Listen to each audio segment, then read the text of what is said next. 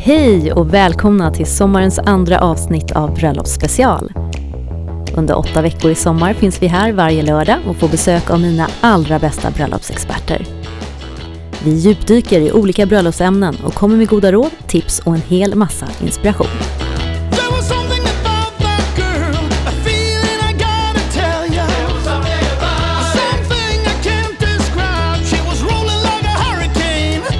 Mitt namn är Mariella Ritschel och jag driver Wedding Planner Stockholm. Med mig vid min sida varje lördag har jag dessutom min partner in crime, min tekniker och världens bästa DJ, Simon Matsuyama. Yeah! Use your imagination to get a hold on my invitation.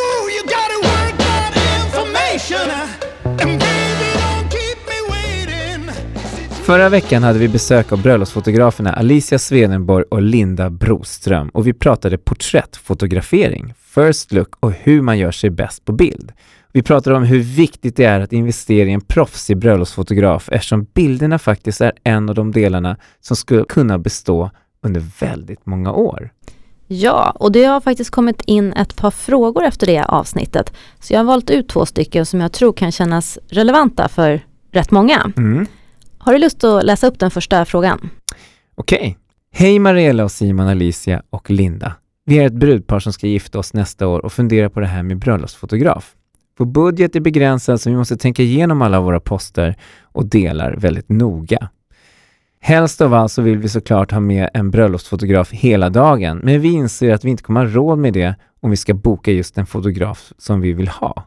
Hur ska vi tänka och vilka delar av dagen är viktigast att ha en fotograf på plats? Varma hälsningar Karin och Lasse. Okej, ja men mitt svar är faktiskt alltid. Boka en riktigt professionell fotograf och har ni inte budget för en hel dag så får man sätta sig ner och tänka igenom vilka delar av dagen som är absolut viktigast. Och för de flesta så skulle jag ju säga att det handlar om vigseln och minglet och att man vill få fina porträttfoton.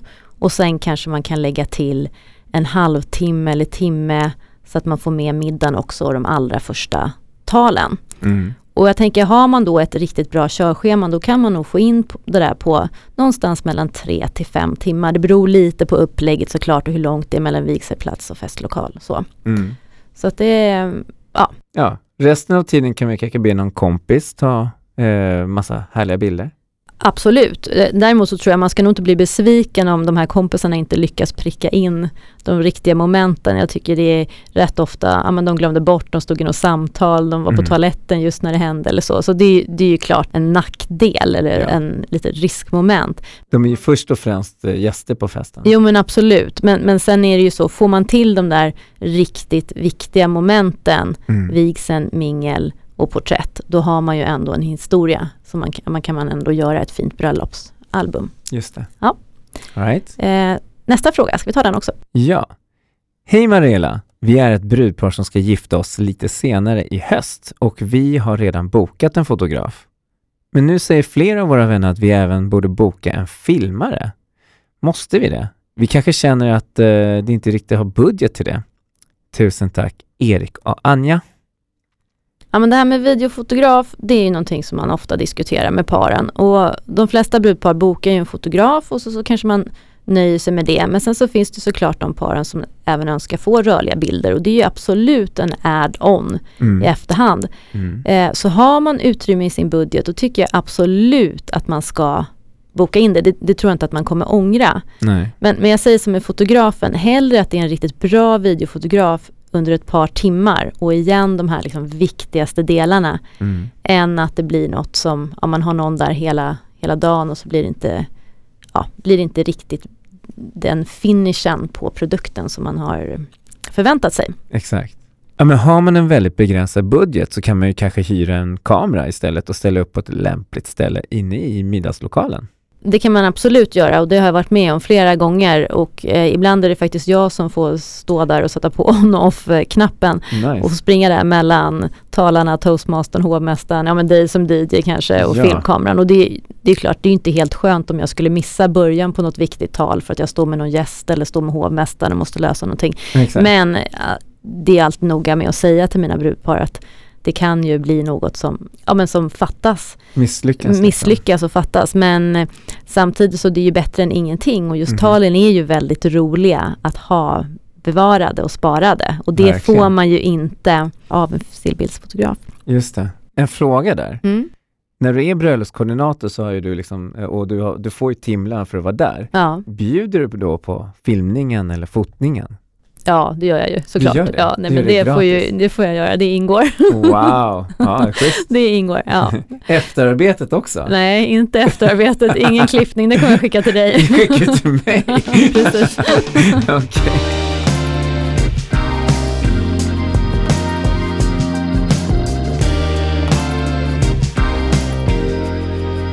Nu tänker jag att vi äntligen ska sätta igång med dagens tema. Le fleur, Yeah. flowers, blommor. Och det passar ju lite extra bra eftersom det är midsommarhelgen. Mhm. Och vi säger varmt välkommen till Johan Munter från Floristkompaniet i Stockholm. Tack snälla, roligt att vara här. Kul. Jättekul att du tar dig tid att komma hit till oss. Vi skulle ju egentligen arbetat ihop den här helgen med Mm. tre dagars midsommarbröllop. Och sen så nästa helg skulle vi ha trippla uppdrag. Det var ju Oh. både två bröllop och eh, ett dop. Exakt, och det blev ju inte riktigt så. Det, vi fick semester typ. Det, det är jättekonstigt. En, en helt galen värld. En helt galen värld och Mhm. mycket annorlunda bröllopssäsong. Verkligen. Men vi ska prata inte så mycket om corona idag tänkte jag, utan mycket, mycket mer om blommor till bröllopet. Och jag funderar på om man ska ta det, det är ju ganska många delar, så man skulle kunna ta det lite pedagogiskt och gå igenom från början till slut hur det brukar gå till när du och jag samarbetar och, och ja, men när man bokar dig genom mig. Ja, berätta Johan, hur går det till? Jag gillar att träffas live fysiskt. Det är mycket mysigare och trevligare att träffas och man lär känna varandra på ett bättre sätt när man ses öga mot öga. Mm. Så vi brukar ses i mitt lilla mysiga mötesrum i butiken. Det är som en liten, ja men lite som en hemlig liten eh, oas där bakom ett draperi och en glasdörr där man sitter och har det trevligt.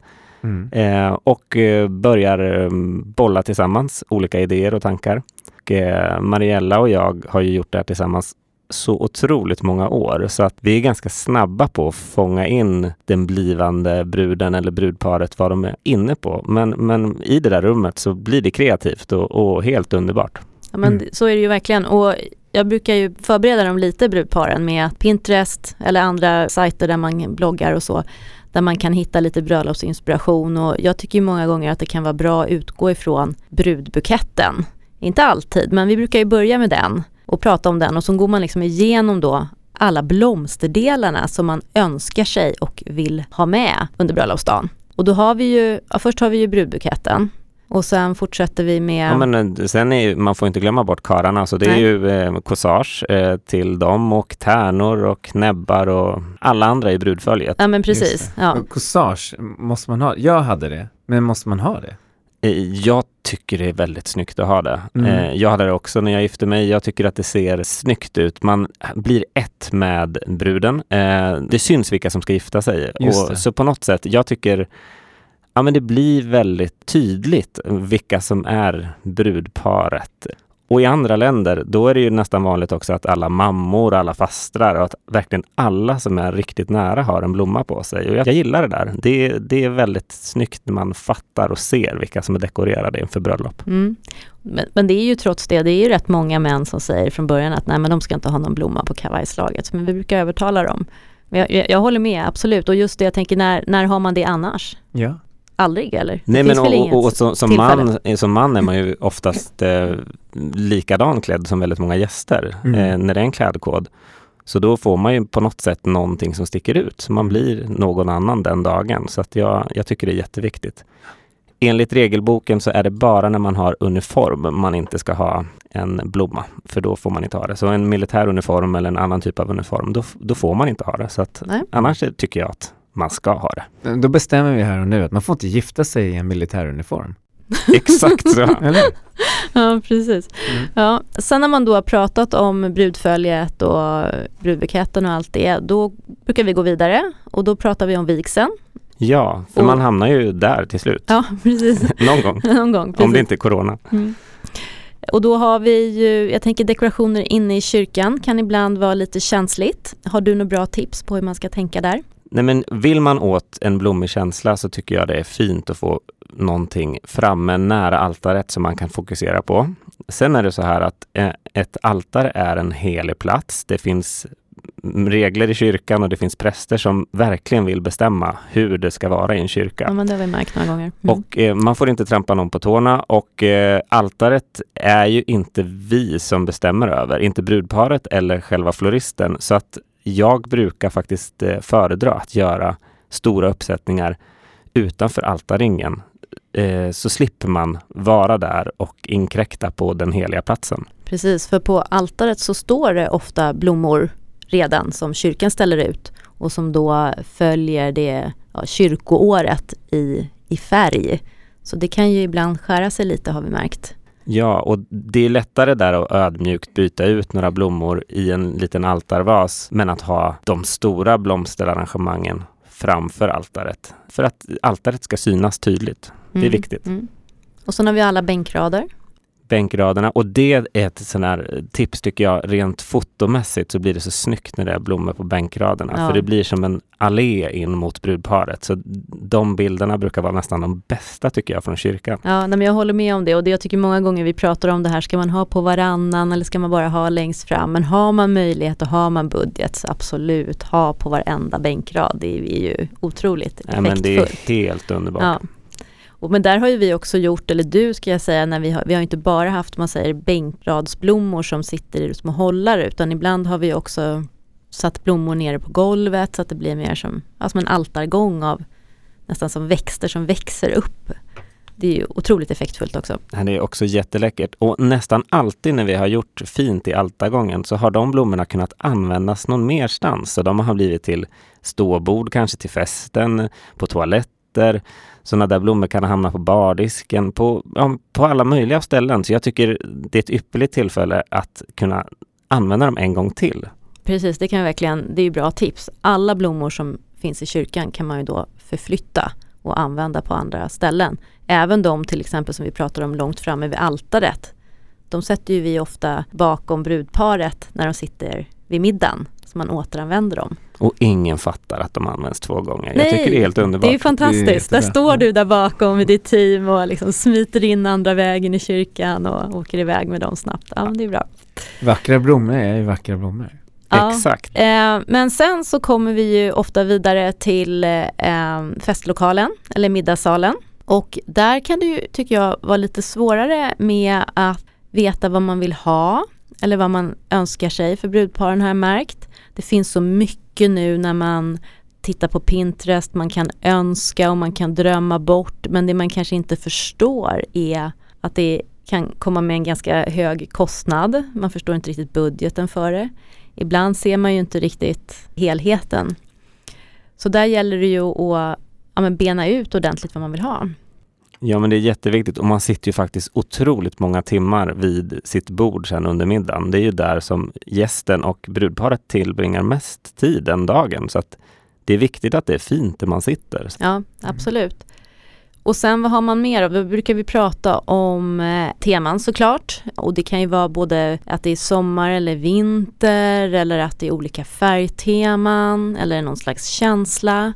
Och där kan man ju jobba mycket, inte bara med blommor på bordet utan man har servettvikningen, man har ljus och ljusstakar och där kan du också komma in och hjälpa till för att få liksom en, ja vi jobbar ju tillsammans såklart men du har ju mycket andra grejer som du hyr ut också. Ja, och det är, det är ju så häftigt att kunna förstärka ett tema. Att vill man åt det där pudriga, romantiska, sockersöta så kan man ju faktiskt ha lite sockersöta blommor på servetten till exempel. Eller ha de där vackra ljuslyktorna eller ha det där andra lullull till alla blommor. Så det, det är jätteviktigt att kunna stärka ett tema.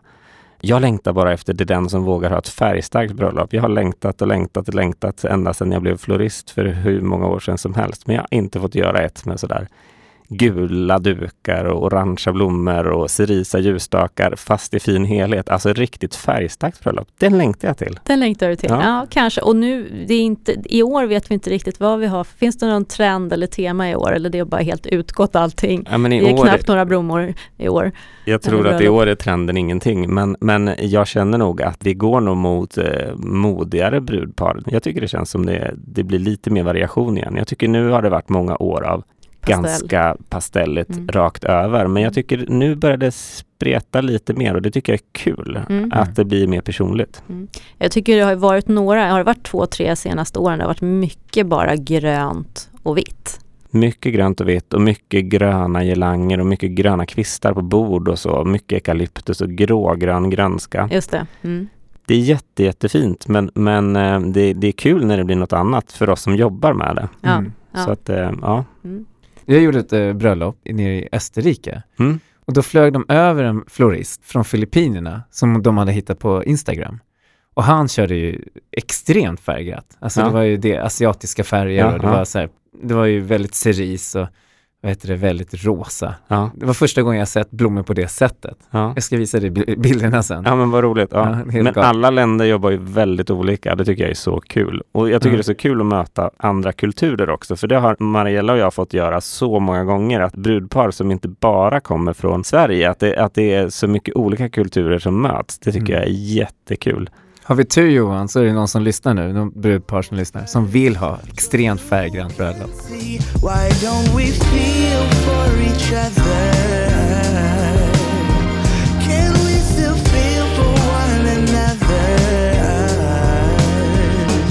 Också Så, så här, nu har ju vi gjort dem ganska många gånger, men första gången vi gjorde de här fantastiska bröllopsträden får jag nästan kalla det för. Träd som liksom växer upp ur bordet eller från bordet och så har vi liksom ljuslyktor i dem och så. Det blir ju otroligt effektfullt och de har vi ju, eller ni sen gjort i massa olika versioner, både med lövträd och magnolia och orkidéer och så. Mm. Och det där med träd, det, det är ju faktiskt något som jag aldrig kommer tröttna på. Jag tycker det är så, så mysigt att sitta i en middagslokal med stora träd.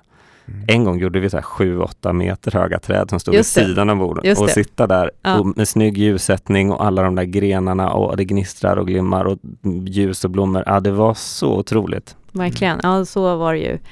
Jag, jag tänker att vi ska komma tillbaka lite till det här rummet, din lilla oas i butiken. Men där vi sitter med kunden då, eller brudparet, och går igenom alla de här delarna. Och sen när vi har gjort det, ja jag brukar ju skriva anteckningar och så. Och sen återkommer du då med en offert. Och sen kan man ta ställning till om man vill lägga till eller dra ifrån någonting. Och det brukar vara en bra idé att man sitter och verkligen drömmer sig bort och får önska och prata om allt det som man, men som man har tänkt sig. Och, och man gifter sig ju inte så ofta i livet så att man är inte proffs på det som brudpar. Så att, att man har ingen aning om vad någonting kostar vad gäller blommor. För så mycket blommor har man ju inte köpt någon gång. Man har köpt liksom tulpaner till köksbordet. Det, det kanske är det man håller på med. Och sen så helt plötsligt ska man göra en otroligt genomtänkt fest. Då, då är det inte så lätt att veta vad kostar vad eller vart ska jag lägga krutet eller Och, och vad är rimligt? Och sen är det också svårt att veta, jag tror det man inte riktigt förstår, det är mängden blommor som faktiskt går åt. Alltså bara kanske i en brudbukett så är det ju otroligt mycket fler blommor än vad man tror. Ja men en del har ju sagt genom åren så här Åh, jag ska nog aldrig säga att det är en brudbukett jag beställer när jag ska ha den där, för det blir nog bara dyrt hos floristen. Det är bättre att säga att jag vill ha en födelsedagsbukett istället med korta stjälkar och kanske knuten med ett sidenband i rosa. Och ni fattar ingenting, Nej. eller hur? Man fattar det. Men, men det är ju inte så att bara för att det är en brudbukett så lägger vi på 3000 kronor i arbetstid. Så är det inte, utan de där fantastiska engelska trädgårdsrosorna som man så gärna vill ha i, de kostar pengar och så ska man köpa in sådana och lite sådana och lite sådana och lite sådana. Det är mycket pengar. Det är Mm. faktiskt, eh, brudbuketter är inget jag tjänar pengar på. Det är mycket energi och kraft och sånt man lägger, lägger ner på den där buketten och det är otroligt mycket material. Så Och massa kärlek också. exakt. För det kan jag känna, du är så mån om att brudbuketten ska bli bra och det är ju ofta också det första av alla blomsterarrangemang som bruden ser. Antingen så levererar du, fast inte så ofta, eller du brukar leverera till mig och så brukar jag gå in till bruden med brudbuketten. Och det är en liten speciell känsla där, hon sitter och gör sig i ordning, kanske fått ett glas champagne, det är en viss liksom förväntning och darr i luften. Och så kommer jag in där, då blir det ännu mer uppenbart att oj, det här är min bröllopsdag, här får jag en, en brudbukett i handen. Och det är så viktigt att just det där momentet blir bra och att det de ser är precis det de har tänkt sig. Och det är första gången de ser brudbuketten. Ja, det blir ju så. Man gör ju ingen provbukett.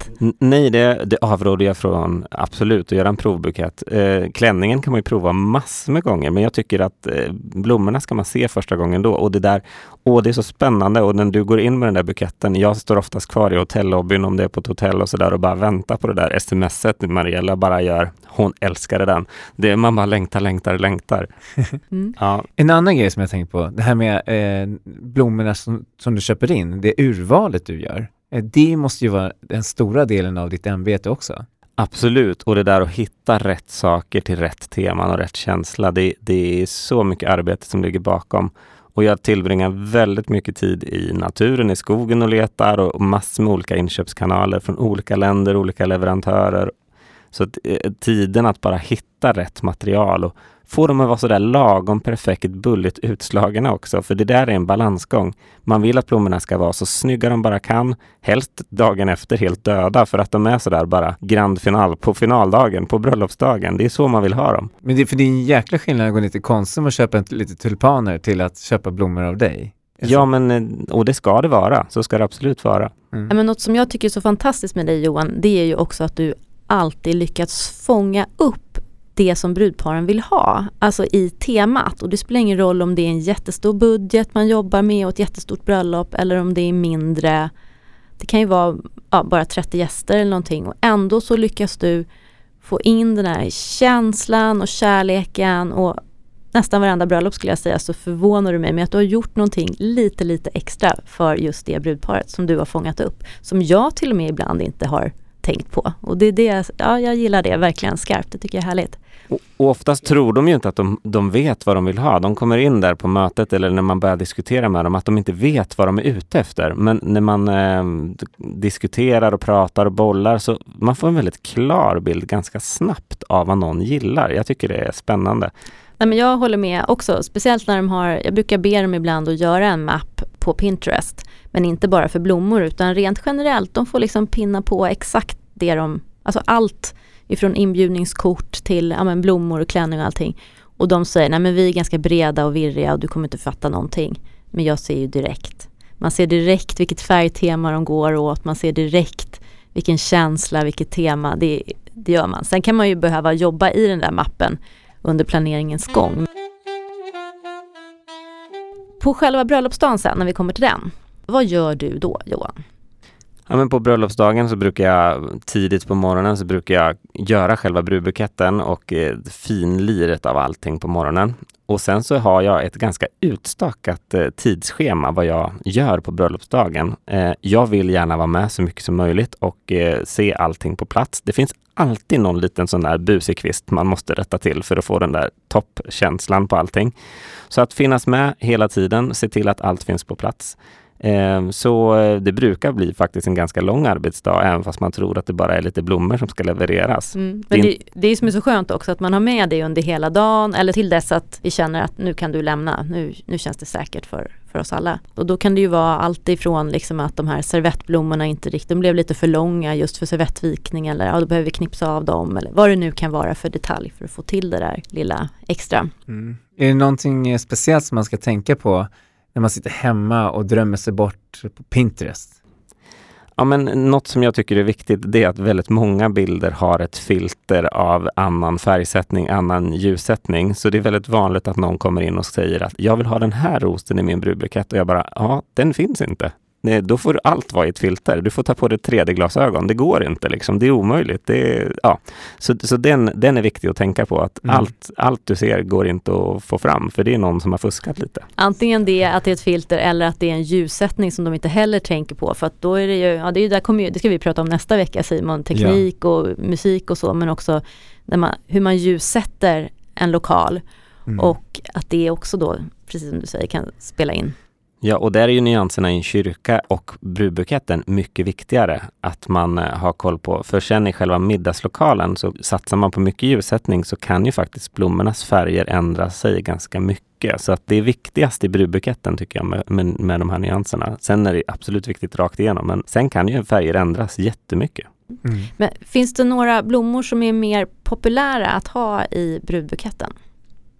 Nästan alla brudbuketter innehåller eh, prunkande blommor i form av trädgårdsrosor, rosor eh, eh, i sån här härlig engelsk modell eller pioner, så den där fluffiga blomman. Eller ranunkel. Alltså det finns, de där fluffiga blommorna finns, eh, det är ersättare av året runt. För allt finns ju i säsong. Och det glömmer många bort att, att eh, pionen finns inte året runt. Så det, det är ibland det händer att någon kommer in sådär och ska gifta sig den 17 augusti och ska ha pioner. Det går inte får man bara säga.